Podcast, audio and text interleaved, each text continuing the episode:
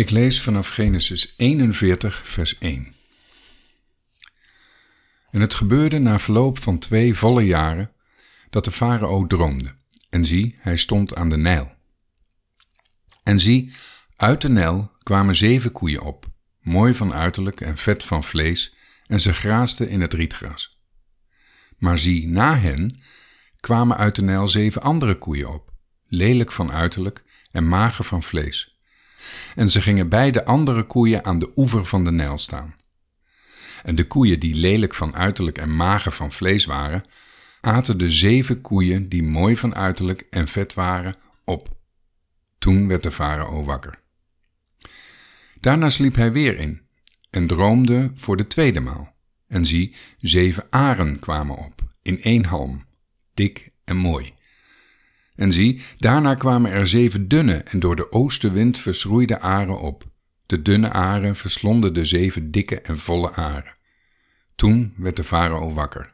En zie, het was een droom.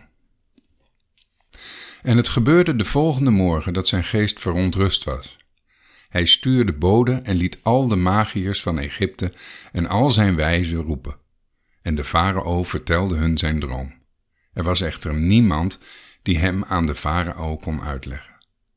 Toen zei het hoofd van de schenkers tegen de farao: Vandaag moet ik mijn zonden in herinnering brengen.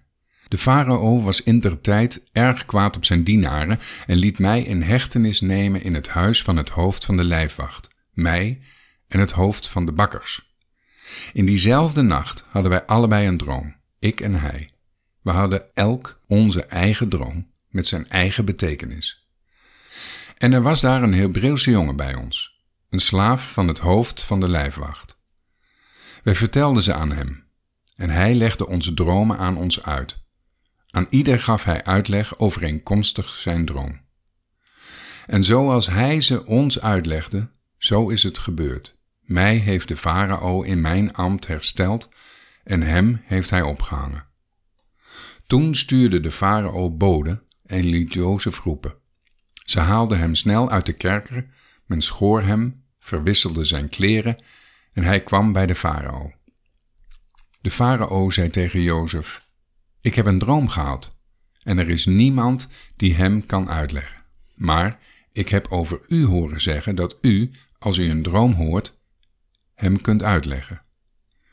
Jozef antwoordde de farao: Dat is niet aan mij, maar God zal antwoorden, wat het welzijn van de farao dient.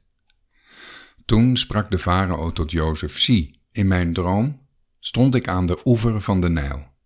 En zie, uit de Nijl kwamen zeven koeien op, vet van vlees en mooi van gestalte.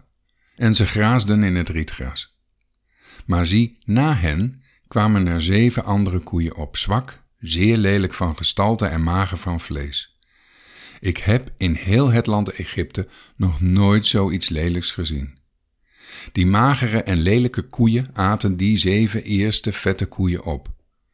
Die kwamen in hun buik, maar het was niet te merken dat ze in hun buik waren gekomen, want hun uiterlijk was even lelijk als in het begin. Toen werd ik wakker. Vervolgens zag ik in mijn droom en zie, zeven aren kwamen op in één halm, vol en mooi. En zie, daarna kwamen er zeven dorre, dunne, door de oostenwind verschroeide aren op en de zeven dunne aren verslonden die zeven mooie aren. Dit heb ik ook tegen de magiërs gezegd, maar er was niemand die mij de betekenis kon vertellen. Toen zei Jozef tegen de farao: De dromen van de farao zijn één. God heeft de farao bekendgemaakt wat hij gaat doen. Die zeven mooie koeien betekenen zeven jaren. Die zeven mooie aren betekenen ook zeven jaren. De dromen zijn één. De zeven magere en lelijke koeien die na hen opkwamen zijn zeven jaren. Die zeven lege door de oostenwind verschroeide aren zullen zeven jaren van honger zijn. Dit is het woord dat ik zojuist tot de farao gesproken heb. God heeft aan de farao laten zien wat hij gaat doen. Zie, de komende zeven jaren zal er in heel het land Egypte een grote overvloed zijn. Maar daarna zullen er zeven jaren van hongersnood aanbreken. Dan zal al die overvloed in het land Egypte vergeten zijn, en de honger zal het land verwoesten. Ook zal er niets meer van de overvloed te merken zijn in het land, vanwege de honger die daarna zal komen, want die zal zeer zwaar zijn. Dat de farao deze droom twee keer gekregen heeft, is omdat de zaak bij God vaststaat en God zich haast om die uit te voeren. Nu dan, laat de farao naar een verstandige en wijze man uitzien en die over het land Egypte aanstellen. Laat de farao het volgende doen. Laat hij opzichters over het land aanstellen en tijdens de zeven jaren van overvloed het vijfde deel van de opbrengst van het land Egypte opeisen. Laten zij alle voedsel van deze komende goede jaren bijeenbrengen en op last van de farao het koren opslaan, als voedsel in de steden, en dat bewaren. Dan zal dat voedsel als voorraad dienen voor het land in de zeven jaren van honger die in het land Egypte zullen komen, zodat het land niet van honger omkomt.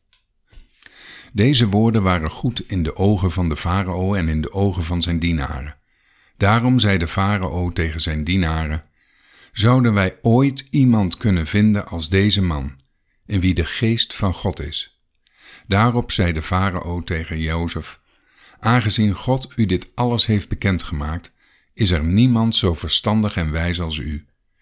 U zult zelf over mijn huis gaan, en heel mijn volk zal uw bevelen eerbiedigen.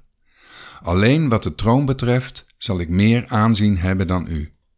Verder zei de farao tegen Jozef: Zie, ik stel u hierbij aan over heel het land Egypte. Toen nam de farao zijn ring van zijn hand en deed hem aan Jozefs hand. Hij liet hem kleren van fijn linnen aantrekken en hing een gouden keten om zijn hals. Hij liet hem rijden op de tweede wagen die hij had. En ze riepen voor hem uit: Kniel. Zo stelde hij hem aan over heel het land Egypte. De farao zei tegen Jozef: Ik ben de farao, maar zonder uw goedvinden zal in heel het land Egypte niemand zijn hand of zijn voet optillen. De farao gaf Jozef de naam Safnat Paanea en gaf hem Asnat, de dochter van Potifera, een priester uit On, tot vrouw. En Jozef vertrok en reisde het land Egypte door. En Jozef was dertig jaar oud toen hij bij de farao, de koning van Egypte, in dienst trad. Toen ging Jozef bij de farao weg en trok heel het land Egypte door. Het land bracht in de zeven jaren van overvloed bij handen vol op. En hij bracht al het voedsel van de zeven jaren dat in het land Egypte was bijeen en sloeg het voedsel op in de steden. Het voedsel van de akkers van elke stad die er omheen lagen, sloeg hij binnen die stad op.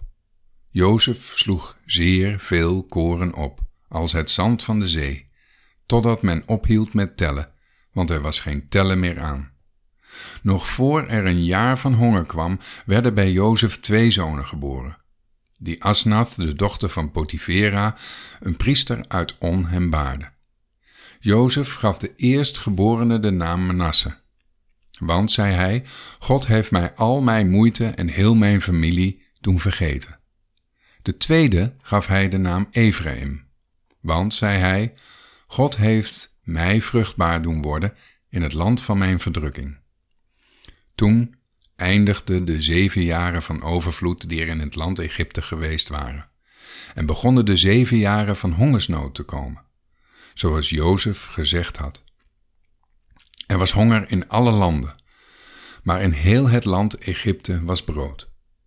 Toen ook heel het land Egypte honger kreeg, schreeuwde het volk bij de farao om brood. En de farao zei tegen alle Egyptenaren: Ga naar Jozef en doe wat hij zegt. Toen er honger in heel het land was, opende Jozef alle korenschuren en verkocht koren aan de Egyptenaren, want de honger was sterk in het land Egypte. Uit alle landen kwamen ze in Egypte bij Jozef koren kopen, want de honger was in alle landen sterk. Tot zover.